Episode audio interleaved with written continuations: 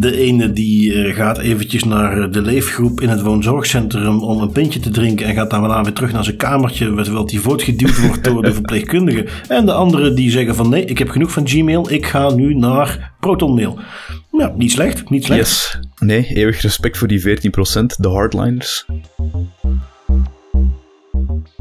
Hallo en welkom bij Das Privé, jouw wekelijkse privacy podcast. Iedere aflevering praten we je bij over het reilen en zeilen in de wereld van privacy. Digitale spionage, boetes, datalekken, nieuwe technologie, privacy tools, oftewel alles dat er in een week gebeurt in privacyland. Ik ben Bart van Buitenen en zoals altijd heb ik Tim van Haren erbij om het privacy nieuws van deze week eruit te halen en te cureren voor jullie wat er echt toe doet. En Tim, we hebben alle klassieke ingrediënten, denk ik. Uh, een beetje Amazon stalking, Facebook bashing, doorgeslagen ANPR-camera's en surveillance tech op scholen. Gooi daar dan nog wat datalekken, autoriteiten met goede zin en privacy tools in de mix. En we zijn er. Alle ingrediënten voor een Das Privé podcast. Nu, voordat we erin vliegen, nog twee dingen om naar uit te kijken de volgende weken. Want uh, de volgende podcast die doen wij nog eens een keer in het vlees. Dat wil zeggen dat wij eh, elkaar nog eens treffen. Dus dat is toch weer wat anders dan eh, met een schermpje ertussen. En twee weken daarna zijn we te gast bij de Ministry of Privacy voor hun Ministry Meet. Het uh, event waar de Ministry of Privacy een leuk, leuke namiddag organiseert. En waarbij dus nog eens een live opname van de podcast mogen doen.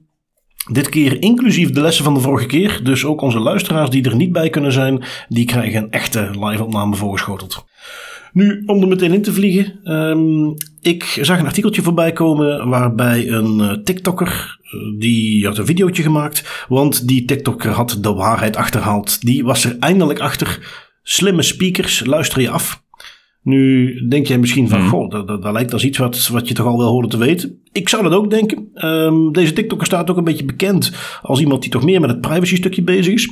En, en wat had hij in, in die context gedaan? Een inzageverzoek bij Amazon. En uh, ja, dat maakte dus duidelijk voor die TikToker hoe een, een slimme speaker eigenlijk begrijpt wat je zegt. Uh, ja, door alles op te nemen.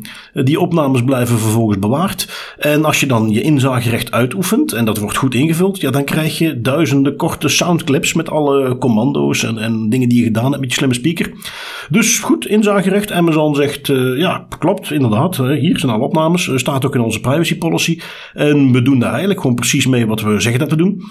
Uh, wat die TikToker dan ook uh, erachter kwam, is van ja, ook al alle contacten zijn gesynct. In het kopietje van alle bestanden wat ze kreeg, staat ook de contacten die gesynct waren. Ik wist van niks, uh, geeft ze aan. Uh, goed, ja, waarschijnlijk ergens in die 100 pop-ups die je soms maandelijks krijgt om na te vragen of je toch echt niet je contacten wilt zinken. Waarschijnlijk een keer per ongeluk op yes geduwd en dan hang je eraan, dan zitten al die contacten erin. Dat viel dus ook op. Wat was verder nog iets wat uh, men aan de grote klok wilde hangen, dat die smart speakers ook de locatie doorgeven. Uh, is iets waar die TikToker zelf ook wel van doorgaf, van nou, dat, dat, dat was wel te verwachten, maar toch, het, het was schokkend. Het was schokkend. En ja, dat uh, komt, op, uh, komt voor mij een beetje op een punt wat we vaak in privacyland voorbij zien komen, waar ook veel discussie over is. Je hebt die redenen waarom je iemands gegevens mag verwerken, hè, puur even het wettelijke stukje uit de GDPR. Toestemming is daar een, een redelijk belangrijke in, die komt ook vaak voorbij, vaak voorbij is aan strenge voorwaarden onderhevig. Um, ik, ik hoor daar vaak van voorbij komen. Ja, is dat eigenlijk nog wel zinvol, die toestemming? Want dat is zo beïnvloedbaar en je wordt daar niet goed over geïnformeerd. En ze gooien het af en toe maar tussendoor. Ik moet zeggen, ja, ik ben het daar niet mee eens. Ik, ik blijf toepassing een hele krachtige manier vinden om een basis te hebben om persoonsgegevens te verwerken. Alleen, ja, die moet dus wel goed toegepast zijn. En, en dat is waar we het nu vaak verkeerd zien gaan. Je wordt er op zoveel manieren, probeert men je erin te luizen om maar één keer verkeerd op yes te drukken. En, en dat is het, hè. Je kunt er honderd keer op no duwen als je die honderd en eerste keer op ja duwt. Voor je de weet zijn al je contacten gezinkt. En ja, dat is waar het hier uh, over gaat. Hè. Dat je die ene keer dat ze je sneaky te pakken hebben, dan hang je eraan. Um, voor de rest, ik moet eigenlijk toegeven, ik, ik, wil heel graag roepen van, oh kijk eens wat Amazon nu weer verzamelt. Maar hier sta ik ook weer niet heel erg van te kijken. Nee, nee, een shocker is het niet. Wat dat wel een shocker is, is dat dit, dit is een unicum, dit is de allereerste keer dat wij privacy nieuws rechtstreeks van TikTok gaan halen. Ik had nooit gedacht dat die dag ging komen, maar dat doen we dus ook al. Dus je ziet, het kan van overal komen. Nu, ik vind dat wel een interessant punt dat je daar ook aanhaalt, hè, van dat die discussie er is rond, is toestemming eigenlijk wel echt een goede wettelijke basis? Heeft dat nog zin in deze maatschappij waar dat we allemaal met dark patterns geconfronteerd worden en zo? En ik ga er ook wel in mee dat um, het is niet omdat het niet goed wordt toegepast, toegepast dat het daarom ook maar moet, moet achterwege gelaten worden. Hè. Misschien moeten we dan meer gaan investeren en meer gaan kijken naar hoe dat we ervoor kunnen zorgen dat dat sterker en beter wordt toegepast.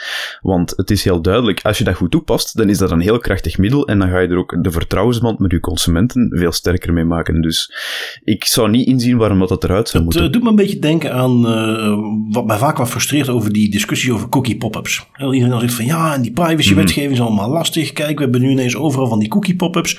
Nee, je hebt cookie pop-ups omdat de privacywet verplicht om mensen te informeren over wat je ermee doet.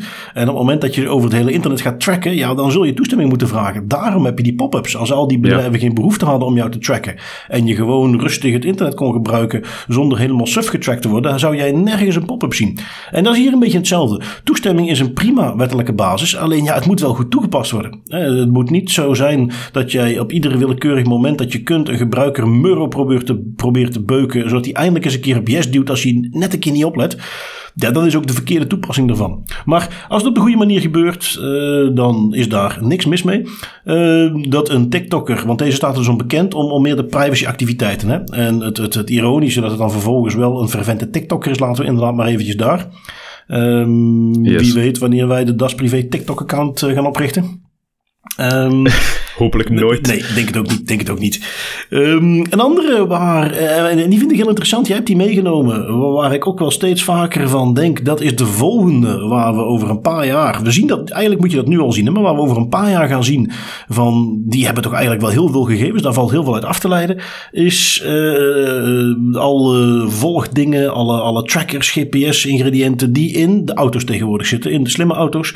En je hebt er eentje meegenomen waar men bij Tesla daar wat heeft meegedaan. Ja, uh, het Nederlands Forensisch Instituut, of kortweg het NFI, dat is het als eerste instituut ter wereld gelukt om bepaalde geëncrypteerde gegevens, rijgegevens uit Tesla's logboekbestanden te gaan lezen en publiceren. En dat dan ook nog op 21 oktober, wat dat Wereldencryptiedag was, dus toepasselijker kon niet. Nu, het was al langer bekend dat Tesla en andere auto's, dat die veel ongevalgerelateerde data gaan verzamelen in wat dat zij een Event Data Recorder noemen, of EDR. En een Event Data Recorder kan je nog het best vergelijken met een blackbox in een vliegtuig. Als dan eerst wordt, dan kan je daar ook gaan kijken en de data eruit halen om te gaan bepalen wat is er nu eigenlijk gebeurd. Hetzelfde met je EDR. Nu, die onderzoekers van het NFI die hebben ontdekt dat er nog een hele andere schat aan gegevens verborgen ligt onder de motorkap. En dan gaat het speciaal over uh, informatie over de, de werking van de autopilot, de voertuigsnelheid, gaspedaalstand, stuurwielhoek, rembediening, zaken die misschien elk apart niet altijd evenveel zeggen, maar als je die allemaal gaat vergelijken en de sum of their parts neemt, dan kan dat wel heel veel openbaar maken over een persoon, over zijn rijgedrag, over wat er kan gebeuren in een ongeval. Nu, Tesla zelf stuurt die data periodiek naar eigen servers om vooral aan productverbetering te doen of storingen te detecteren. Maar volgens het NFI is deze data ook echt wel van onschatbare waarde in forensische onderzoeken van verkeersongevallen. En dat vind ik een heel interessant topic dat ze aanhalen, want dat is ook de reden dat ze dat onderzoek hebben gepubliceerd om eigenlijk aan te tonen van kijk, die data, die zit daarin, die is geëncrypteerd. Eigenlijk is die momenteel niet publiek, of toch niet toegankelijk voor onderzoeksinstituten of voor, voor politie. Maar het is wel heel waardevol voor die instituten. En dus werpen ze eigenlijk het balletje op, de vraag, zouden die instituten en de politie, et cetera, als er bijvoorbeeld zich een ongeval voordoet met, met zware schade, zouden die die data mogen gebruiken in hun onderzoek? Ja. En ik persoonlijk, wat denk jij daarvan? Ja, eh, eh, eigenlijk dacht ik dat dat al lang gebeurde. Dat Tesla die data ook effectief al ter beschikking stelde. Uh, ik, ik, weet in ieder geval van een paar voorbeelden waar na een ongeluk Tesla zelf publiceerde. Over, ja, maar kijk eens even, we hebben hier de gegevens. We kunnen vaststellen dat dit, dit en dit gebeurde. Snelheid klopte niet, uh, vreemde mm draaibewegingen. Um, dus ik, ik ja, bleek hieruit dat het NFI aangaf van ja, we hebben eigenlijk tot nu toe nooit eerder toegang gehad tot die gegevens. Ja, misschien nog voor de duidelijkheid. Er zijn eigenlijk twee um, centrale plaatsen waar die data staat. Je hebt wat ik daar straks al zei, die een event data mhm. recorder. Eh, de, zwarte doos van de auto. Daar kan inderdaad al data uit worden opgevraagd. Dat is ook al gebeurd, dat weet iedereen. Maar wat het NFI nu heeft ontdekt, is dat er onder de motorkap, letterlijk en figuurlijk, dat er nog een heleboel andere rijgegevens zijn, die Tesla zelf verzamelt, maar die ze niet publiek stellen. En zij werpen nu dat balletje op van, ja, maar dat is voor ons ook interessant en belangrijk dat we die data kunnen zien, want eigenlijk die data is geëncrypteerd. Eigenlijk weten de, de organisaties die die data willen opvragen niet dat die data bestaat tot nu. En dat maakt het interessant, want het NFI zegt ook, ja, Tesla zou hier eigenlijk transparanter over moeten zijn en zou hier moeten zeggen welke data dat zij ook onder de motorkap verzamelen. Niet alleen in die event data recorder, maar ook daarnaast, want dat kan ook heel, heel interessant zijn. Ja, ja. Nu, wat ik daar vooral een interessant discussiepunt vind, is ja, mogen die dan nu? Hè? Mag mogen organisaties die niks met Tesla te maken hebben, en dan gaat het vooral in het kader van een ongeval bijvoorbeeld, mogen die die data kunnen verzamelen en opvragen. En ik denk eerlijk gezegd persoonlijk dat er wel voordelen aan verbonden zijn als dat in bepaalde mates kan, maar ze moeten het wel correct aanpakken. En er zijn twee obstakels die ik meteen zie. Het eerste obstakel is transparantie. Nu al is dat een obstakel, want het NFI moest zelf in die systemen gaan duiken om eigenlijk te achterhalen welke data er precies verwerkt wordt en dat er in die auto zit. En Tesla zelf geeft er eigenlijk zo goed als geen duidelijke info of richtlijnen mee. Nog naar forensische instituten, nog naar bestuurders zelf. Dus dat is voor mij al een eerste pijnpunt. Ja, als we op die, eh, met dat startpunt moeten gaan beginnen, dat is niet zo netjes. En een tweede aspect, waar gaan we dan de grens trekken? Hè? Dan gaan we weer het, het uh, eeuwig geliefde hellend vlak bovenhalen die toegankelijkheid van die data, ja, die data die beschikbaar maken voor forensische onderzoeken in het kader van een dodelijk ongeval bijvoorbeeld, of in het kader van onderzoeken naar autopilots, dat lijkt mij op zich wel een goede zaak. Daar heeft ook de bestuurder zelf vaak baat bij. Maar bijvoorbeeld dan hetzelfde gaan doen voor verzekeringsagentschappen of andere commerciële organisaties, dat lijkt me dan weer niet zo goed. Dus ook daar, daar, is heel weinig, uh, daar zijn heel weinig grenzen over aan wie dat we die data nu gaan vrijgeven. Ja, en ik, uh, goed wat het NFI dus kennelijk hier heeft gedaan. Want, want uh, het principe dat ze dus met uh, gerechtelijke bevelen uh, die gegevens kunnen vorderen bij Tesla, dat bestaat gewoon al. Maar dat proces is kennelijk zo moeizaam en, en, en ontransparant dat ze dus nog steeds op zoek zijn geweest naar een manier om het zelf te gaan doen. Nou, dat is ze nu gelukt en dat, dat, daar zijn ze dus heel erg blij mee. Goed, snap ik. ik moet trouwens meegeven, dat is volgens mij niet heel toevallig dat het op encryptiedag uitkwam natuurlijk. Ik herinner nee, me nee, in nee. een podcast van Cyberhelden waar iemand van het NFI zat. Uh, ja, dat is misschien een maand geleden al. En toen waren, gaven ze al aan, we zijn ermee bezig, we komen daar binnenkort met iets. Dus dat stond al een tijdje op de radar. Maar um, ja, goh, uh, ik vind het wel eens leuk dat we het omgekeerde weg zien. Een Big Tech die zegt, uh, weet je wat, ja kom maar, misschien gaan we het vrijgeven, gerechtelijk bevel. Ik, ik zie al voor me hoe in dit geval dan Nederland een mailtje stuurt naar Tesla van hier is een gerechtelijk bevel. Tesla USA zegt van oké, okay, we gaan er eens op ons gemak naar kijken. En waarschijnlijk over een paar maanden krijg je dan je toegang. En dat ze nu zeggen van oké, okay, weet je wat, ja. we kunnen het ook zelf. Dat is, dat is leuk. En het NFI, moet ik toegeven, die uh, staan er goed op. Hè. Die, die zijn goed in dit soort dingen. Die uh, ook wereldwijd hebben die wat dat betreft een naam. Dus nee, interessant. Um, wat hebben we nog meegenomen? Ja, als we dan uh, Big Tech rijtje afgaan, en, en, in die zin hoort Tesla er een beetje bij, maar we hebben dus Amazon gehad, we hebben Tesla gehad, dan is het tijd voor een beetje Facebook. Rapportje 4679. Facebook weet hoe slecht het is, maar wil toch blijven groeien en laat het dus maar zitten. Um, eigenlijk wil ik het er niet eens meer over hebben, maar voor de vorm moeten we deze toch even vernoemen. Um, Facebook weet hoe ruk ze omgaan met alle gevaren die eraan gekoppeld zitten, maar ze blijven toch doorgaan. nu is er weer een nieuwe whistleblower. Die uh, schieten ook als paddenstoelen uit de grond. Uh, volgens mij, dat is bijna een hype aan het worden. Die, die worden ook bijna, ja, die worden vertroeteld. Die mogen overal gaan spreken. Ik heb de, dat hele whistleblower ding van iemand die zwaar tegen de bierkaai in, met heel veel tegenstrijd en, en, en, en, en moeite en, en verlies van inkomen, de weg naar buiten zoekt en het nieuws naar buiten brengt. Dat is al lang niet meer. Die lui, die, voordat ze ook maar iets gepubliceerd hebben, hebben ze al vijf boekingen bij tien verschillende talkshows. Ik, ik vind het iets te, te hyperig en te, te sexy nee. worden. Maar goed, dat gezegd zijnde, uh, wat betreft Facebook kunnen er nooit genoeg zijn. Dus er is er weer eentje, komt weer eens naar buiten.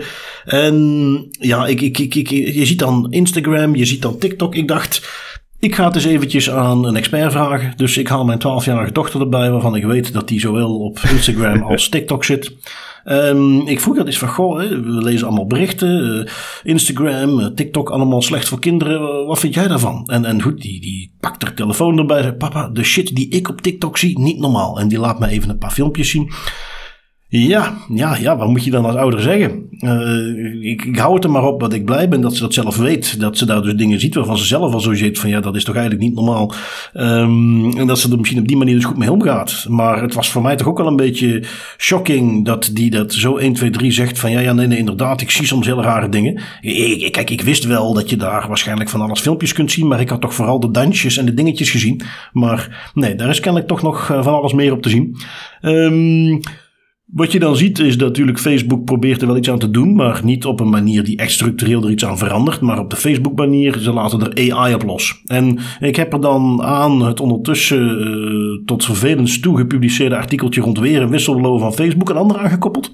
Want ik vond op Ars Technica ook een uh, artikeltje over de AI moderators die ze erop loslaten. dus de, technologie die dan zou moeten ondersteunen dat als er dan weer eens iets fouts gepubliceerd wordt, uh, hoe ze dat eruit halen.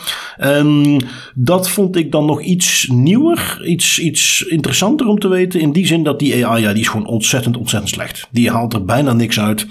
Um, een paar voorbeeldjes die ze noemen is dat ze zeggen van ja, als we videootjes die uh, hanengevechten, hè, cockfights, uh, ja, ook iets wat in veel landen illegaal is, uh, die waren de, per ongeluk haalt die AI die eruit en labelt die als auto-ongelukken. De, de, link is duidelijk. Uh, een van de reviewers zegt ook van ja, nee, dit, waren duidelijk hanengevechten. Dus wij weten ook niet waarom die met een uh, auto-ongeluk komt. Um, andere voorbeeldjes waren video's van misdadigers die hun uh, mass shooting, hè, dus ja, die, die, die ergens een of andere aanval aan het plegen waren, live aan het filmen waren. En die dan door de AI gelabeld werden als paintball games of zelfs een tripje door de car. Om maar te zeggen dat, uh, dat gaat het nooit worden. En ja, Facebook laat weer maar eens zien dat ze eigenlijk niet in staat zijn om het zelf onder controle te houden. En dat daar eens heel snel dwingende wetgeving moet komen om daar iets aan te doen. Ja, dat is ook. Uh, ik heb zelf geen kinderen, maar om dat dan te horen van uw dochter, dat is eigenlijk ook wel gek, denk ik, als ouder, om te horen dat uw kinderen dat zo snel gewoon zijn. En dat dat eigenlijk, ja, dat dat eigenlijk zo bijna niet meer dan vanzelfsprekend is dat er ook rare dingen op die, op die platformen staan. Op TikTok, op, op Facebook, op Instagram, whatever. En dat dat allemaal maar normaal is dat dat daar ook op nou staat. terwijl eigenlijk is dat niet normaal. Ik ben in ieder geval blij dat er het besef is dat dat niet normaal is. Ik zou het veel erger vinden als het bekeken werd. En dat dat werd aanzien als, oh ja, dat is de norm. Dat is hoe het kennelijk gaat tegenwoordig. Dus in die zin was ik er tegelijk blij mee. Maar inderdaad, eh, best confronterend. Ja, en ik, ik doe me meteen, dat doet me meteen ook denken aan een andere discussie. Allee, dat heeft dan nu niet specifiek iets te maken met dit topic, maar ik, ik heb zo langs een discussie gezien um, rond Squid Game. Mm. Dat is zo die bekende Netflix-serie een aantal ouders die ook zich uh, heel hard zorgen maakten om het feit dat mensen die, die, die kinderen hun die serie op Netflix keken en dan die spelletjes gingen naspelen. Dat zijn heel gewelddadige spelletjes, dus het is eigenlijk niet de bedoeling dat kinderen dat gaan naspelen. Maar ik bedenk me dan meteen, ja, als je daar zorgen om maakt, maar je kind van 12 jaar, van 12 jaar heeft ook wel TikTok, Instagram, Facebook, daar zien die ook rare dingen op. Die gaan ook dingen daarvan naspelen. Dus ik zou me niet meteen daar zorgen om maken, maar ik zou me ook gewoon zorgen om maken. En kijk, wat consumeert je kind op alle mediakanalen? En als dat hetgeen is, die Squid Game, dat is hetgeen dat u, dat u zorgen baart, ja, dan is er nog veel werk aan de winkel. Ja, ja, inderdaad, inderdaad. En de uitdaging hoe je daarmee om moet gaan, die blijft nog wel even staan. We hebben daar straks nog een, eh, een mooie die voorbij komt van een andere manier om daarmee eh, om te gaan.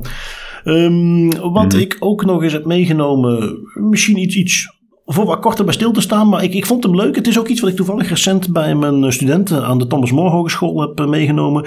Ik, wat ik dat doe aan het begin van iedere les is dat ik los van de, de, de inhoud die we moeten doen, de theorie die we moeten doorlopen, begin ik iedere les met twee nieuwsberichten die iets met security of privacy te maken hebben. Heel vaak zijn dat datalek.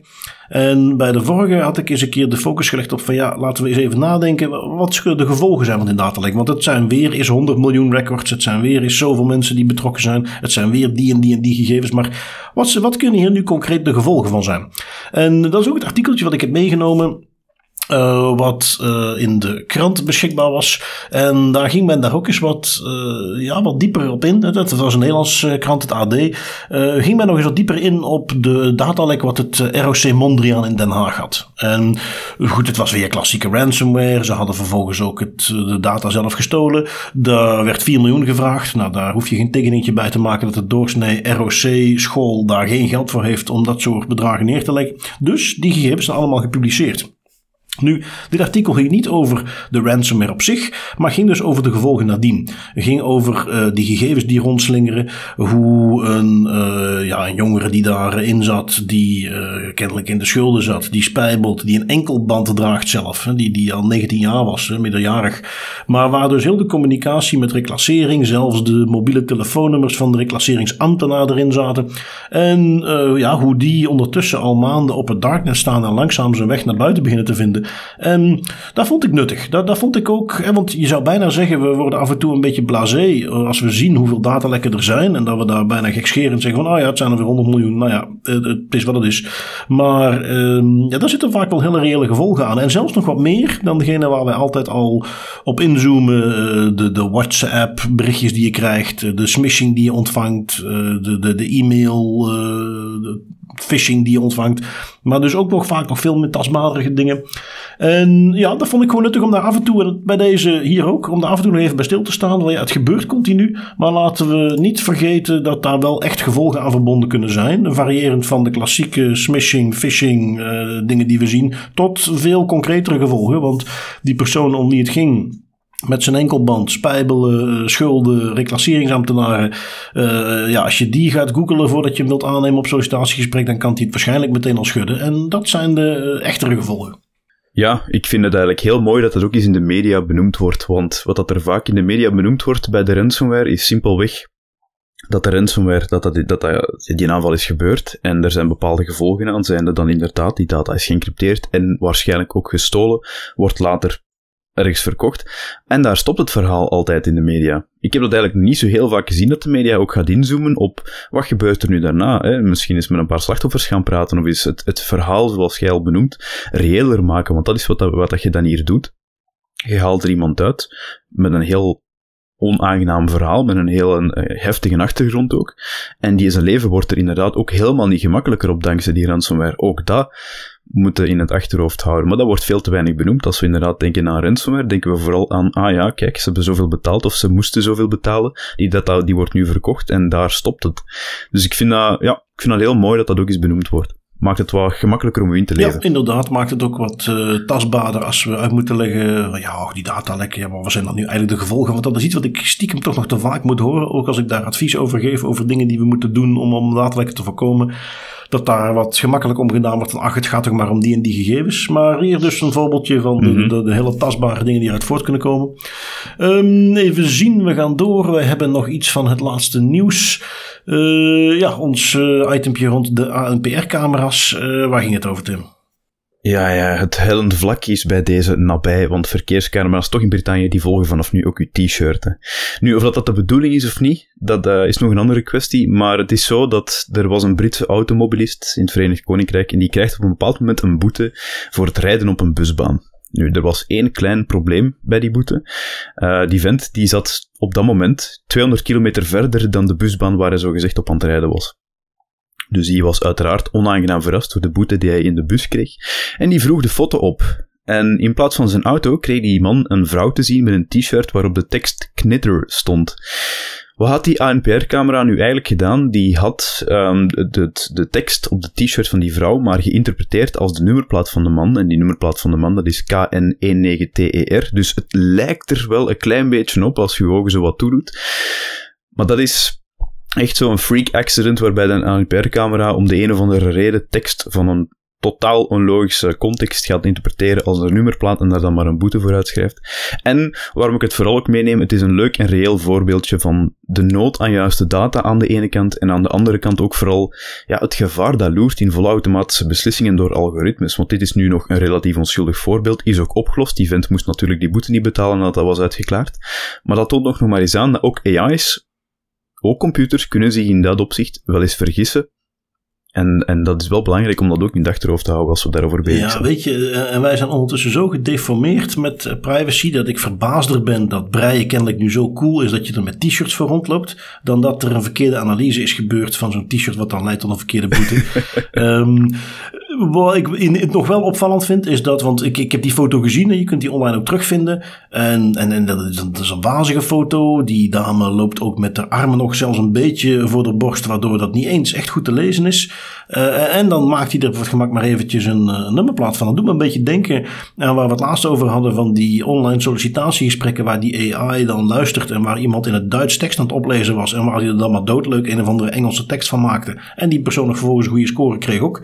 Um, ja, eigenlijk best in die zin opvallend dat, dat die kwaliteit zo slecht is. En dat ze er dan maar gewoon iets van maken. Want dan, dan vraag je natuurlijk af, hoe vaak wordt er nog zo'n boete uitgeschreven die misschien iets minder evident, hè, van ja, je was 200 kilometer verderop, dus dat kan ik nooit zijn, daar gaan we eens werk van maken. Die iets minder evident verkeerd is, maar die desalniettemin niet, niet klopt. En ja. ja, en dat is interessant, hè, want allee, als we dan over AI spreken, artificiële intelligentie, een van de redenen waarom dat zo goed kan werken, is omdat er een bepaalde kwaliteit van die data wordt ingevoerd. Maar inderdaad, als je dat dan in, in een, de realiteit, in een echte context gaat plaatsen, heb je niet altijd de volledige controle over hoe goed dat die input is, hoe goed dat die kwaliteit van die data is. En dan krijg je inderdaad van deze freak accidents, waar dat er ongetwijfeld nog wel meer van zijn. Dat kan bijna niet anders, als je ziet hoeveel dat die dat hoeveel van die boetes dat ze uitgeven. Maar ik vind dat dat is wel een echt een belangrijke om mee te nemen als we over AI spreken, dat een AI is maar zo krachtig als de data die het dan binnenkrijgt en waar het mee kan werken. Ja, de klassieke uitspraak in eh, AI data-analyse context, shit in is shit out. Um, even zien, we hebben nog iets van tweakers meegenomen. Um, iets wat in eerste instantie klinkt als een typische China gonna China, maar ik moet toegeven dat ik het eigenlijk zo gek nog niet vond. Um, hoe wordt het naar buiten gebracht? Uh, ja, Chinese overheid is weer iets aan het doen om, om meer gegevens te krijgen. Want die werken aan nieuwe regels om de eigenaren van de gesloten platforms zoals WeChat en ja, Douyin. Het zal ongetwijfeld heel erg groot zijn in China. Ik heb er nooit van gehoord. Maar dus een, een sociaal medium. Um, weer iets waar heel veel uh, gegevens over uitgewisseld worden. Um, die Chinese overheid is bezig met wetgeving om die entiteiten te verplichten verplichten om artikelen en video's op hun platform indexeerbaar te maken voor zoekmachines. Um, Daarmee wil de Chinese overheid kom afmaken van de walled gardens. Waarbij je dus kunt mensen binnen jouw tuintje houden. Omdat de dingen die daar te zien zijn alleen daar te vinden zijn. En die niet extern beschikbaar zijn. Waarbij je dus mensen verplicht om een account te hebben op jouw platform. Maar ze anders niet aan die content kunnen. Hetgene wat, ik noem maar even een, een, een stom voorbeeldje, maar je bent vast wel eens een keer iets aan het zoeken geweest en dan kom je terecht op een Pinterest website en dan wil je dat plaatje aanklikken en dan moet je eerst een Pinterest account aanmaken voor je er iets mee kunt. Nou, dat soort principes. Um, in eerste instantie klinkt dat dus als een poging om meer toegang te krijgen tot gegevens. Alleen als je er even over nadenkt, ja, de, Chinese regering die heeft geen nieuwe wetgeving nodig om toegang tot data te kunnen krijgen. Die, die hebben ze toch al. En als ze die niet hebben, dan kunnen ze die toch al krijgen. Dat is al lang geregeld. Moeten we ons geen illusies over maken. Dus da, dat is het hem niet. En uh, het is iets wat ze nu meer aan het doen zijn en wat je in China wel meer terug ziet komen. Die hebben volgens mij eens om zich heen gekeken, hebben gezien hoe Big Tech uit Amerika de wereld zowat veroverd heeft. Ze hebben, zoals we in onze vorige aflevering aangaven, nu net het laatste sociaal netwerk eruit gemapt in China. En nu zijn ze bezig om dat wat te democratiseren. Uh, intended, want dat is niet iets wat ze heel snel zouden doen. Maar uh, dat is dus bezig om die gegevens breder beschikbaar te maken om te zorgen dat die platformen niet te veel macht kunnen krijgen. En eigenlijk moet ik toegeven, dat is helemaal niet zo'n gek idee. Nee, dat is eigenlijk best een logisch idee als we kijken naar uh, hoe, hoe het de spuigaten uitloopt in Silicon Valley, Big Tech in, in het westen dan om het zo te noemen. En uh, voor de record trouwens, Douyin is de, het TikTok-equivalent in China. Maar natuurlijk, China die, die gebruiken hun eigen applicaties niet. Als ze die naar het westen sturen, die hebben altijd een eh, eigen versie die ze ah, binnen de walled okay, gardens houden. Nou, weet dat ook weer. Dus het is ongeveer hetzelfde, maar dan voor de eigen Chinese markt. En uh, nee, het is zoals je zegt, hè, ja, die Chinese overheid, zelfs al zouden ze een wettekst willen maken waarin dat ze zoiets zouden doen, dan gaan ze dat ook gewoon zonder schroom zeggen. Dat hebben ze in het verleden ook al gedaan. Die gaan er geen doekjes om binden. Zo werkt dat niet in China, zo werkt dat misschien hier wel. Maar daar gaan ze gewoon zeggen van ja, dan willen wij meer macht. En die macht hebben ze inderdaad niet nodig, want in elke mediaorganisatie of social media organisatie of tech-organisatie van een bepaalde grootte, daar zit toch al een politiek kantoor. Ja, dus dat hebben ze ook niet nodig. Inderdaad, klopt helemaal. Um, even zien, wat hebben we dan nog? Jij hebt iets meegenomen van Cisco. Cisco heeft een onderzoekje gedaan naar iets wat ze privacy actives noemen. Wat is dat voor iets? Ja, um, dat is een cool onderzoek van Cisco. En ik had die naam ook nog nooit gehoord, Privacy Actives. Maar ze gaan erop in Een term die ze zelf bedacht hebben, denk ik. Um, en privacy actives, dat is eigenlijk een groep van consumenten die aan drie voorwaarden voldoet. Eén, zij moeten om hun privacy geven. Twee, ze zijn bereid om daar ook iets aan te doen. Om bepaalde veranderingen te brengen in hun leven of van een, een bepaalde applicatie te gaan of iets anders te gaan gebruiken. En drie, ze hebben dat ook effectief gedaan, een bepaalde verandering teweeggebracht. Nu, Cisco die komt met bepaalde cijfers naar buiten na bevraging en wat blijkt? Ja, die Privacy Actives groep die is wel langzaamaan aan het groeien. Hè. 32% van de bevraagde mensen voldoet aan die beschrijving, dus die geven om hun privacy, zijn bereid om daar iets aan te doen en hebben dat ook effectief al gedaan. En die lijn die blijft stijgen, want in 2020 was er nog maar 29%. Nu, als we daar nog even dieper op inzoomen, um, vanuit een generatieperspectief is het aantal privacy actives nog veel groter. Met name 44% van de consumenten tussen de 25 en 24, 34 jaar is volgens Cisco Privacy Active. Daartegenover staat maar 14% van de bevraagde 65, 75-plussers. Dus met verloop van tijd zullen we eigenlijk meer privacybewuste consumenten moeten zien als het van Cisco afhangt. Ja, nou, ik, ik, moet toegeven dat ik eerder denk, eh, als ik 75 ben, gaat het mij waarschijnlijk ook allemaal iets minder kunnen interesseren.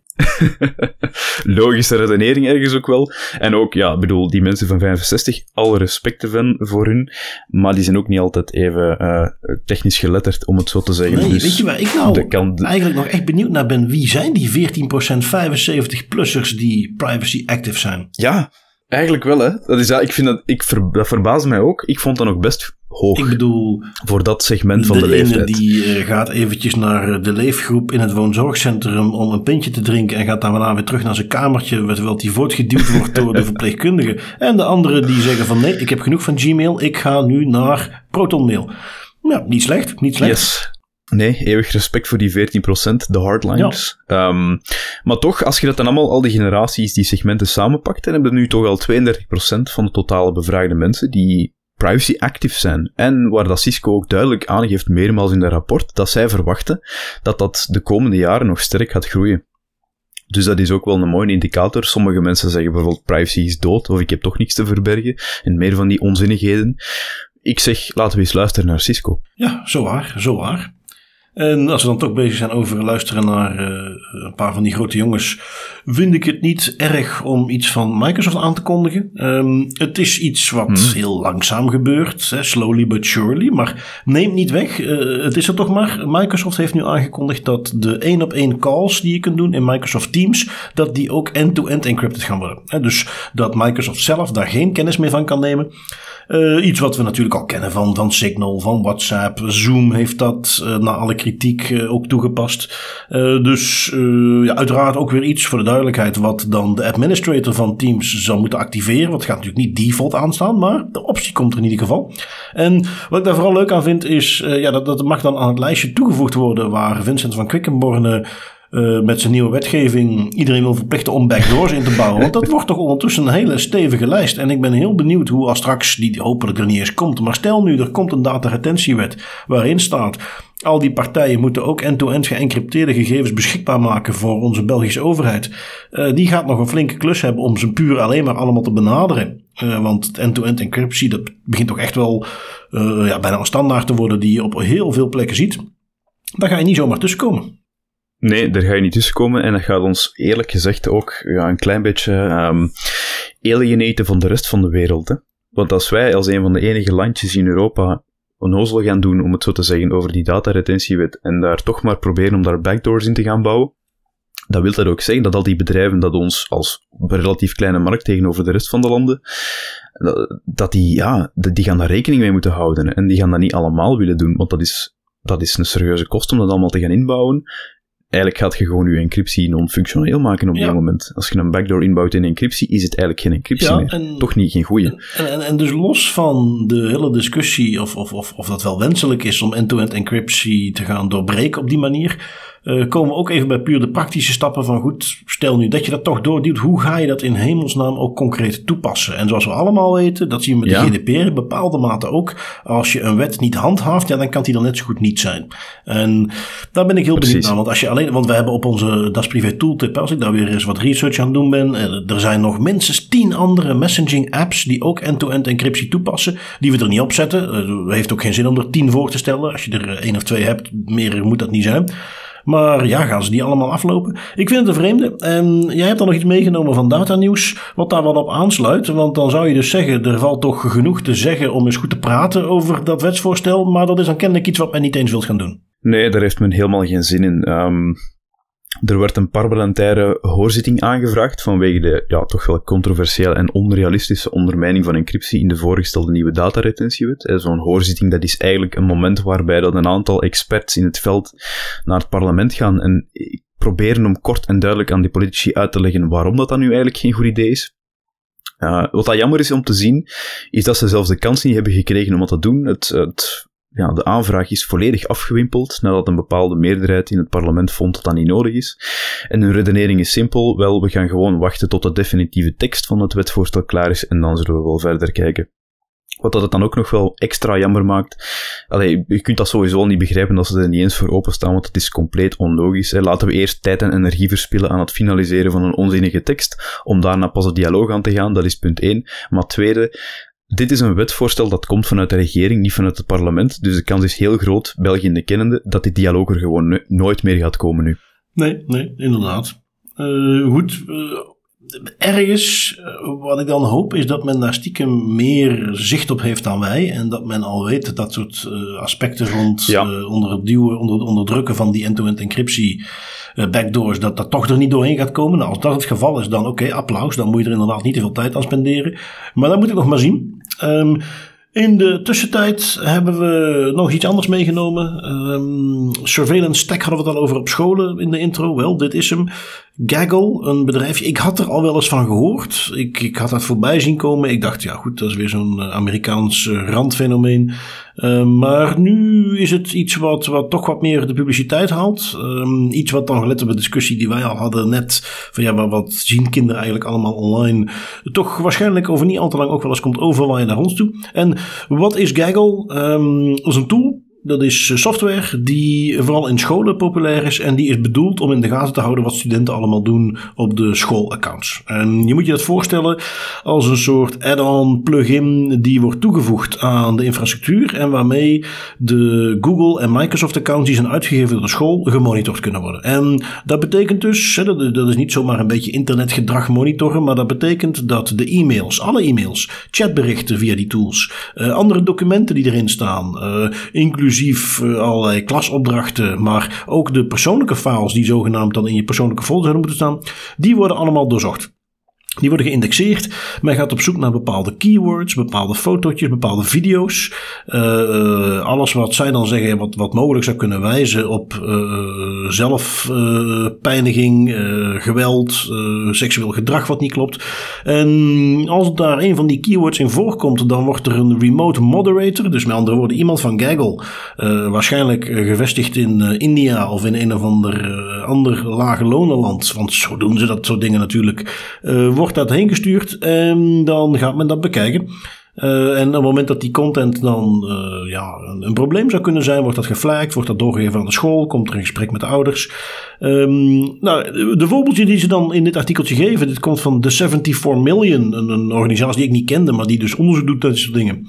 Daar hebben ze dan wat voorbeeldjes erbij gehaald van een, een, jongen die in het verleden heel veel moeite had gehad, die net een beetje erbovenop aan het komen was en die voor een van zijn klasopdrachten een presentatie had gemaakt waarin hij uit aan het leggen was hoe hij een zware tijd had gehad, maar nu met de juiste psychologische begeleiding er weer bovenop aan het komen was.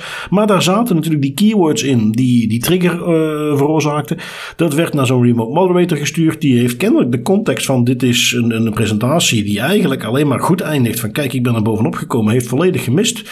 Is doorgestuurd naar de school. De school heeft dat ook gemist. De ouders werden gecontacteerd. En dat dus net op het moment dat zo'n persoon er weer een beetje bovenop aan het krabbelen was, wordt hij in die zin weer een beetje platgeslagen. Want de counselor wordt erbij gehaald. Zijn school eh, contacteert zijn ouders. En die ouders waarschijnlijk weer, oh jee, het gaat weer helemaal verkeerd.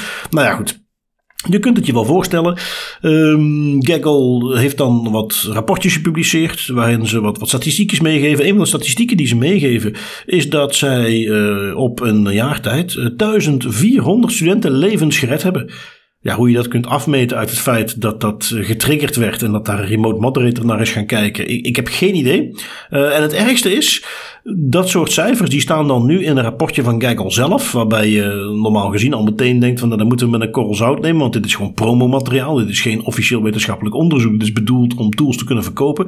Alleen dat begint in zo'n uh, subjectief rapportje, wat als een, een, commercieel document zelfs gewoon wordt tentoongespreid. Maar voor je het weet zit dat in rapportages in schoolraden, die moeten gaan beslissen over dat soort dingen. En als je nu tegen een school zegt van ja kijk we hebben hier een tool en ja die heeft vorig jaar duizend studentenlevens gered ja, dan is het al meteen een hele andere discussie of je die tool wel of niet moet gaan inzetten. Uh, en zonder dat er enige onderbouwing is van ja, hoe komen we er eigenlijk aan? En, en ja, jij en ik, wij zijn daar geen experts in, we kennen die tool. En toch durf ik mijn hand er helemaal voor het vuur te steken dat er geen 1400 uh, levens gered zijn doordat iedereen alle documenten van studenten aan het bekijken is. Dus ja, een mooi voorbeeldje. En opnieuw, Amerikanen lopen daar vaak wel op voor, op dat soort dingen. Op iets waar ik toch weer extra aandachtig op ga zijn. Uh, het, het, het monitoren van examens tijdens coronatijd, waar mensen al flink in de gaten gehouden worden, is uh, het begin. Uh, dit komt er ook vroeg of laat aan. Zeker omdat steeds meer van die schoolomgevingen online zijn. En ja, iets waar ik toch beducht voor ben. Ja, beducht. En ik, ik vind het automatiseren van mentaal welzijn op een school sowieso een heel vreemd concept. En als ik dan nog even verder kan trekken. Als, ik denk dat dit eigenlijk voor, voor de kinderen zelf heel weinig gaat doen. Wat dit, voor, wat dit momenteel in mijn ogen is, is Gaggle zorgt gewoon voor een beetje de illusie van gemoedsrust bij ouders en bij de school, bij de leerkrachten zelf. Dat ze kunnen zeggen van kijk, we doen toch dingen en was het, 1400 levens En die kinderen zelf, hè, die zijn ook niet dom. Die gaan merken dat er inderdaad acties worden ondernomen als zij bepaalde dingen op die laptops of op, die, op het schoolmateriaal doen. En die gaan de gewoon hun, hun issues en de zaken waar ze mee zitten verplaatsen naar een platform dat helemaal niet gemonitord wordt. Die zijn niet dom, die weten ook hoe dat, dat werkt, die groeien daarmee op. Meer zelfs dan de mensen die dat de gaggle gemaakt hebben. Dus ja, dat is ook een kwestie van tijd voordat er dan niks meer gedetecteerd wordt, lijkt mij. Of toch niks zinvol. Nee, inderdaad. Als het al gebeurt. Dus iets waar zodra ik ooit bij de school van een van mijn kinderen merk dat ze daarmee aankomen, uh, waar heel hard tegen geschopt gaat worden. Um, iets anders wat ja, nog iets minder mainstream is, maar dan toch al veel meer dan, dan zeg tien jaar geleden. Uh, weer de volgende Bitcoin uh, substitutiemunt. Uh, deze heet WorldCoin. Dus weer zo'n nieuwe cryptocoin. Um, dus nieuwe publiciteit voor. Ik, ik wil er voor de rest niet heel diep op ingaan, maar er was gewoon één dingetje wat me eraan opviel. Um, om gratis WorldCoins te krijgen, ze zijn dus nu die marketingcampagne aan het doen. Om die gratis te krijgen moet je maar een heel klein dingetje doen. En dat is eventjes een iris-scan uh, overhandigen. Uh, want daarmee kunnen ze bijhouden wie wel of niet al gratis coins heeft gekregen. En ja, goed, uh, Tim, de normaalste zaak van de wereld, toch? Tuurlijk, tuurlijk. If it's free or the product, dat weten we nu toch allemaal ondertussen. Ja, inderdaad, inderdaad. Dus ja, dat die had ik nog niet gehoord. Uh, gratis coin en even je iris-scan inleveren. Um, gaan we over op wat uh, serieuzere zaken. Um, overheden en IT, het blijft iets pijnlijks. En we hebben een voorbeeldje uit Argentinië, van precies te zijn. Je hebt er eentje meegenomen die volgens mij op de record stond. Wat is er in Argentinië gebeurd? Ja, in Argentinië is er een hacker geslaagd. Er is erin geslaagd om de complete identiteitsdatabase van de volledige Argentijnse bevolking te stelen. Um, die hack die vond vorige maand plaats in het Renaper of Renaper systeem wat in het Argentijn staat voor Registro Nacional de las Personas, wat dat eigenlijk nog het best te vergelijken valt met ons eigen Rijksregister in België. En het gaat hier om totaal om gegevens van ongeveer 45,3 miljoen mensen die nu te koop online staan. Nu, die hacker die maakte meteen duidelijk dat het menens was om alle uh, onzin te voorkomen en die publiceerde de gegevens van 44 Argentijnse celebrities, waaronder ook Lionel Messi en de president Alberto Fernandez. Dus dat wil ook wel iets zeggen als hem even zo een paar uh, mensen hun gegevens op straat werpt. Wat dan wel nog frappant is, is dat de Argentijnse overheid nog in full denial is. Want die blijven ook vandaag de dag nog altijd volhouden dat er geen enkel lek is. Um, terwijl die hacker dan achter de schermen gewoon die data doodleuk zit te verkopen en met journalisten contact heeft om eigenlijk te zeggen van kijk, ja, ik heb die data, dat is keigoede PR voor mij ook. Uh, die journalisten hebben de kans gehad om een steekproef uit te voeren in die databank die gestolen is. Waarbij dat ze gewoon een willekeurige Argentijn eruit hebben gepakt om te zeggen van kijk, dit is een naam, zoek je nu eens op. En die een hacker heeft altijd accurate data kunnen produceren. Wat het eigenlijk nog maar eens bevestigt dat het dus effectief gaat om de volledige, ja, het, volledige rijksregister, bij wijze van spreken. En dat is, dat baart me enorm veel zorgen, dat de Argentijnse overheid ondanks al deze informatie nu toch nog altijd volhouden dat er geen datalek is. Want dit is een datalek van buitengewone proporties. Ja, ja, ja ik dacht ze het uh, wel zeiden dat er een lek was, maar dat ze het heel erg minimaliseren. Van ja, het gaat maar om een paar foto's die uh, geraadpleegd zijn. We hebben het meteen dichtgezet.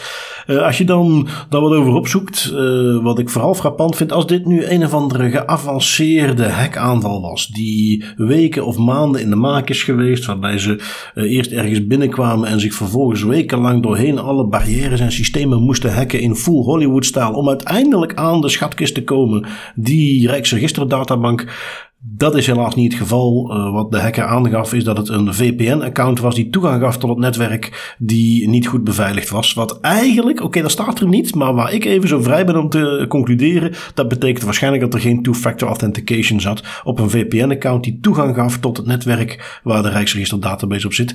En dat is ook best triest. Dat is best triest en een beetje zorgwekkend, hè? want het is niet gewoon een database die ergens aanhangt. Het is hier echt ja, de, het volledige identiteitssysteem waar het Argentijnse overheid op berust. Dus dat het, het is gestolen, dat is één ding, maar stel je voor dat er zaken gaan veranderen in dat systeem, dat die overheid dat nooit door heeft, dan heb je gigantische problemen. Ja, en goed, die staat nu op het internet, die verdwijnt nooit meer. Um, in de context van datalekken heb ik er nog eentje meegenomen, die kwam van een, een blogje van een, een securitybedrijf, die hadden iets ontdekt. Die hadden om precies te zijn ontdekt dat er uh, eh, 500 miljoen records online stonden, niet beveiligde database, vrij toegankelijk. En het was van een gratis Chinese VPN. Uh, eh, Tim, als ik zeg een VPN die je gratis kunt gebruiken, wat is dan het eerste dat jij denkt? Ja, ik moet dat eerst en vooral eens goed lachen. Um, en het tweede wat ik denk is, ja, dat is gewoon wat ik net ook al zei, if it's free, you're the product. Dus dan kunnen we maar waarschijnlijk wat persoonsgegevens gaan afstaan, al dan niet vrijwillig, om een gratis VPN te gaan gebruiken. Ja, inderdaad. En dat was ook hier het geval, buiten de dingen die je mag verwachten. E-mailadres, naam, wachtwoord, uh, oorspronkelijk IP-adres waaruit de, de VPN-verbinding maakte, uh, stond er ook nog wat extra informatie in. Namelijk alle software die jij geïnstalleerd had op je toestel werd ook bijgehouden, inclusief versienummer, oh, inclusief de datum dat je die software geïnstalleerd had. Ja, je kunt je voorstellen, als we zelfs nog eventjes niet al te negatief willen denken, maar gewoon die database, uh, stel jij biedt die gratis VPN aan, jij wilt natuurlijk wel een beetje geld verdienen met die dienst, dus jij gaat bedrijven contacteren en zegt van kijk, jullie, jullie maken software, jij wilt vast wel weten, ik heb dan miljoenen gebruikers, jij wilt vast wel weten wie heeft jouw software, wie heeft welke versie van de software, wie heeft de software van jouw concurrenten? En op die manier een beetje geld slaan uit zijn database. Nu, hier vind ik dat er nog een iets extra dimensie aan zit, want dit gaat om China, dit gaat om mensen die zo'n VPN gebruiken die, nou ja, misschien van heel onschuldig, die proberen om Squid Game op Netflix te kunnen kijken, tot journalisten, activisten, mensenrechten personen die proberen op deze manier om de censuur te omzeilen. En dan is zo'n database die kennelijk dus publiek beschikbaar was met al die IP-adressen, met de historiek, met wat je op je computer hebt staan, dat is ineens super gevoelig, want dat is iets waar de Chinese overheid wel raad mee weet volgens mij. Ja, dat denk ik ook wel. Dat is uh, Lijkt me niet het slimste plan, hè? Een gratis Chinese VPN, dat is twee keer bingo, hè? Gratis in ja, Chinees. Inderdaad, inderdaad. Um, goed, dan gaan we door naar een stukje autoriteit. En, en waar dat soms de laatste weken, dat we zeggen van, mm goh, we hebben wat minder. Ik vond het deze keer uh, weer goed meevallen. You will respect my authority! Um, ja, wie mag uiteraard niet ontbreken, Tim? De AEPD natuurlijk. De Spaanse autoriteit, inderdaad. En die is ook weer present. Um, die haalden nog eens een keer 3 miljoen binnen bij CaixaBank. Uh, in januari haalden ze al 6 miljoen op bij CaixaBank wegens schending van de informatieplicht. Deze ronde is het 3 miljoen wegens onterecht profileren. Het klinkt bijna als een start-up die dan om de zoveel tijd weer een nieuwe investeringsronde binnenhaalt. het is ook bij een bank. Um, begon met een klacht in 2018. Uh, eh, iemand was al jaren geen klant meer en bleef toch inbegrepen in datasets die CaixaBank aankocht om profielen op te stellen over mensen. Uh, uit onderzoek bleek dan, en hier hebben we hem weer, dat er waarschijnlijk ooit wel ergens een onduidelijke toestemming voor was getekend, maar waar de AIPD van zei, ja, nee, sorry, daar trap ik niet in. Die toestemming, zelfs al zou die bestaan, is niet rechtmatig, want dat is niet op de goede manier verkregen. Um, dus ja, een uh, lieve boete van 3 miljoen. Uh, eh, 3 miljoen is ook het geluksgetal van Sky Italia. En ook zij winnen de boete jackpot met dus die 3 miljoen. Sky Italia, en, en, dit, dit heb ik niet zelf verzonnen, zo noemden ze het zelf in de documentatie van de Garante. Die hadden nogal wilde telemarketing uitgevoerd. Uh, wat betekent dat zij okay. uh, nu buiten de 3 miljoen boete ook nog eventjes een verbod hebben gekregen om nog telemarketinglijsten bij externe te kopen. Uh, want dat hadden ze dus gedaan en men had vervolgens geen informatie verstrekt aan de personen die op die lijst stonden. Had niet gecheckt of die personen op een do not call lijst stonden en had hij dus gecontacteerd terwijl dat wel het geval was. En ja, goed, die mm -hmm. mochten ook weer 3 miljoen aftikken nu bij de Garante in Italië. En dit begint wel dit begint een, ding te worden. Dat komt steeds vaker terug. Dit, zijn bedragen die ertoe doen. Uh, handhaving komt op gang. Opnieuw, die Europese machine heeft even tijd nodig, maar het begint. Um, zelfs in het toch anders zo rustige Noorwegen, als ik me niet vergis, Tim. Ja, ja, rustig, maar deze keer niet, helaas. Noorse toezichthouder die heeft een uh, gemeente een heftige boete van omgerekend 400, uh, 412.000 euro opgelegd. Nu, wat was er daar gebeurd? Begin vorig jaar werd die gemeente slachtoffer van een ransomware aanval, wat dat al heel jammer is, waarbij gegevens geëncrypteerd werden en later ook te koop werden aangeboden. Dus een, een ja, klassiek geval van ransomware, snatch and grab. Ging om ongeveer 30.000 documenten over quasi de volledige waslijst aan bijzondere categorieën persoonsgegevens, zoals in artikel 9 van de GDPR staan, hè, etnische afkomst, politieke mening, religieuze betrekkingen, seksuele oriëntatie, vakbondlidmaatschap. Bijna alles dat daarin staat van dit zijn echt nu eens wow. gegevens die je heel goed moet behandelen en heel voorzichtig mee moet omgaan. Dat staat ertussen in die 30.000 documenten, waar ik mij ook meteen de vraag stel, waar moet een gemeente al die informatie verwerken? Maar wat, dat Z. Nu, uit het onderzoek van de Noorse autoriteit, ja, dat bleek toch wel dat die gemeente fundamentele tekortkomingen had in de beveiliging. Ze had onder andere geen multifactor authentication en geen backups gemaakt, waardoor dat die ransomware aanval eigenlijk veel, een veel grotere impact had dan wanneer dat, dat wel het geval zou zijn geweest.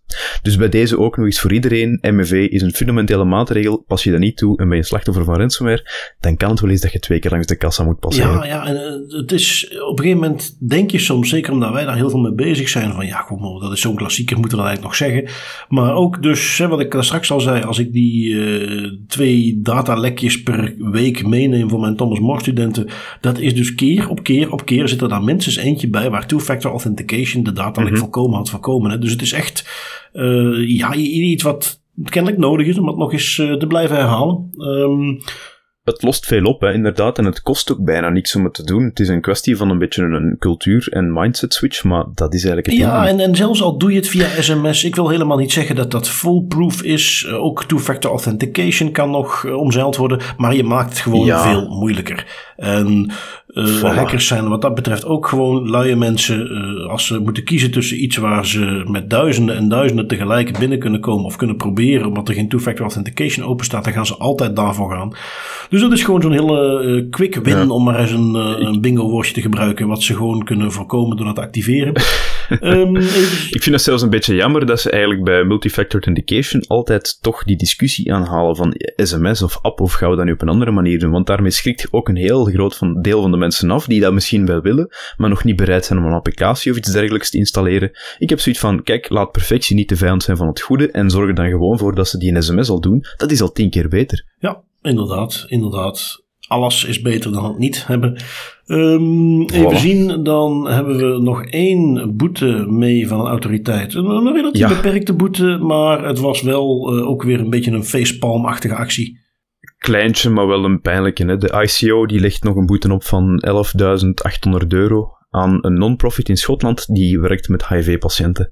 Dus dan voelde de bui al aankomen. Die non-profit had, uh, ja, shocker, een mail uitgestuurd waarbij de e-mailadressen voor alle ontvangers zichtbaar waren. Echt de klassieker der klassieke blunders als het op vlak van e-mail aankomt, maar extra pijnlijk deze keer omdat natuurlijk ook de HIV-status van al die betrokkenen nu open en bloot ligt. Dus ja, toch wel uh, jammer om te zien dat dat nog altijd gebeurt, want het komt veel te vaak voor. Ja, het komt vaak voor. Nou, deze is natuurlijk extra pijnlijk, uh, maar om je maar een idee te geven, ja. uh, ik had een, een, soort privacy community in, in, in Groot-Brittannië. Ik was daar, ik had me daarvoor aangemeld en die hadden weer eens een event online en uh, uitnodiging werd daarvoor verstuurd en tot mijn verbazing stond daar ook iedereen gewoon in CC. Niet de grootste schok hier natuurlijk. Het waren maar gewoon e-mailadressen. Maar er kwam toch heel snel een excuusmailtje. Omdat ze door hadden. Dit is de crowd waar we dat nu eventjes niet moeten doen. Nou ja, goed. Ik denk als er nog een crowd is waar je dat niet moet doen. Dan is het wel een hele lijst met mensen die HIV besmet zijn. Um, Mhm. Goed, dat, dat was het voor de autoriteiten. Um, we hebben nog een privacyvraag. En deze keer werd die aangeleverd via de community, uh, onze Element community. Waar toch ondertussen al meer dan 40 mensen op regelmatige basis informatie uitwisselen over privacy tooltjes, vragen stellen aan elkaar. En wat ik daar vooral heel leuk aan vind, dat draait echt niet alleen op uh, jou en ik, Tim. Daar zitten mensen gewoon op en neer informatie uit te wisselen. Vind, ja, precies waar we op hoopten. Dus ben ik ontzettend blij dat mee. Is echt um, heel leuk om te het zien. Het vraagje wat gesteld werd door Confituur. En ja, inderdaad, dat is niet de echte naam. En dat vind ik prima. Je mag daar zeker ook met je nickname uh, terechtkomen. Confituur vraagt: vraag je in verband met e-mail-signaturen. Bestaat er zoiets als extra disclaimer waarin je vraagt je privacy te respecteren? Dat men je e-mail niet automatisch in een een of andere lijst duwt, mail harvesten of is zoiets zinloos. En ja, kijk, confituur, ik kan je meegeven dat dit eigenlijk, eh, het is zinloos, maar misschien niet om de reden dat jij denkt. Vooral omdat dit helemaal niet nodig is of zou moeten zijn. Uh, het is sowieso al verboden op het moment dat jij een mailtje stuurt naar een bedrijf, uh, van mij part een professionele relatie, en je vraagt je iets, dat betekent dat niet dat je dan vervolgens ook toestemming hebt gegeven of, of dat er een basis is om jou meteen direct marketing te gaan sturen. Dat is niet zo. Die regels zijn daar behoorlijk streng in. Of Jij hebt al een keer een aankoop gedaan, je hebt al contact gehad rond iets en je wordt voor echt een soortgelijke dienst gecontacteerd, dan hoef je daar geen toestemming voor te geven. Maar voor alle andere gevallen, als het gaat om direct marketing, ja, dan moet je daar dus wel gewoon toestemming voor gegeven hebben. Dus um, ik, ik, ja, even heel praktisch gesproken, denk ik wel degelijk dat, dat in je e-mail signature zetten inderdaad niet veel gaat toevoegen. Maar belangrijker, het, het, het hoeft ook niks toe te voegen, want het mag sowieso al niet. Um, even zien, eh, Tim. Dan zijn wij aangekomen bij onze privacy tools. Wat heb jij meegenomen? Yes, ik heb datalect.nl meegenomen. En eigenlijk is dat meer een goede bron voor mij dan echt een tool. Maar ik wil ze wel even delen. Datalect.nl biedt een reëel overzicht van cyberincidenten in Nederland. Het is vooral gefocust op Nederland. Maar wat ik daar zo handig aan vind, is dat dat is echt een lijst die dat continu wordt geüpdate en je kan er ook allerlei filters op gaan toepassen. Bijvoorbeeld, eh, in welke sector zijn er een aantal incidenten gebeurd, de financiële schade van incidenten, het type incident, ransomware, gewoon lek, insider threat, etc. En ook handig, je kunt die data exporteren en dan zelf daarmee in Excel gaan spelen. Dus het is niet echt een, een goede bron, maar meer een. Uh, allee, het is echt uh, niet echt een goede tool, maar meer echt een goede bron te gaan gebruiken. Maar misschien ook wel iets om over na te denken, hè Bart, dat we misschien in de toekomst onder onze tooltip ook ergens een hoofdstukje kunnen toevoegen met een aantal toegankelijke resources, met extra informatie. Want dat is voor mij ook wel belangrijk, los van tools, dat we ook uh, naar, naar interessante websites of naar interessante bronnen kunnen pointen. Ja, ja, ja, inderdaad. Gewoon wil je meer weten over X, Y, Z, uh, dat we daar een soort referentiedatabank van maken, iets waar wij zelf al eventjes onze zegen over gegeven hebben, van nou, dit, dit is goede informatie. Voilà, dat we zelf gebruiken. Ja.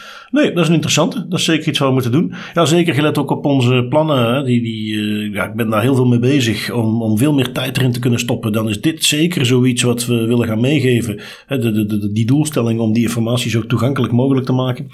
Uh, dus nee, dat vind ik een hele mooie.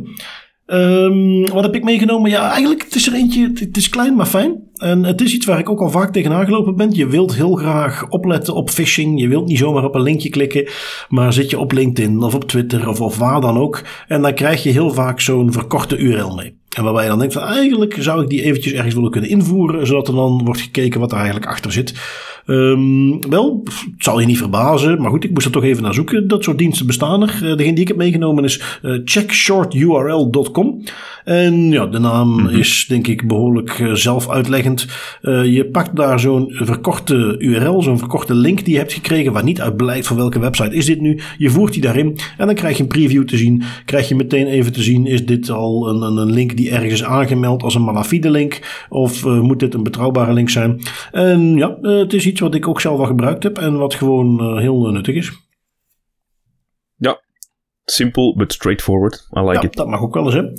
Oké, okay, uitstekend. Voilà. Dan zijn wij, Tim, aan het einde gekomen van weer een mooie Das Privé aflevering. Al zeg ik het zelf. Ik, uh, ik kijk yes. uit naar de volgende weken. En ik bedank jou en onze luisteraars weer om weer naar ons te luisteren. En we zien jullie volgende week. Ja, zoals altijd, met heel veel plezier. En inderdaad, tot volgende week. Live dan. Hè? Inderdaad. Tot volgende week.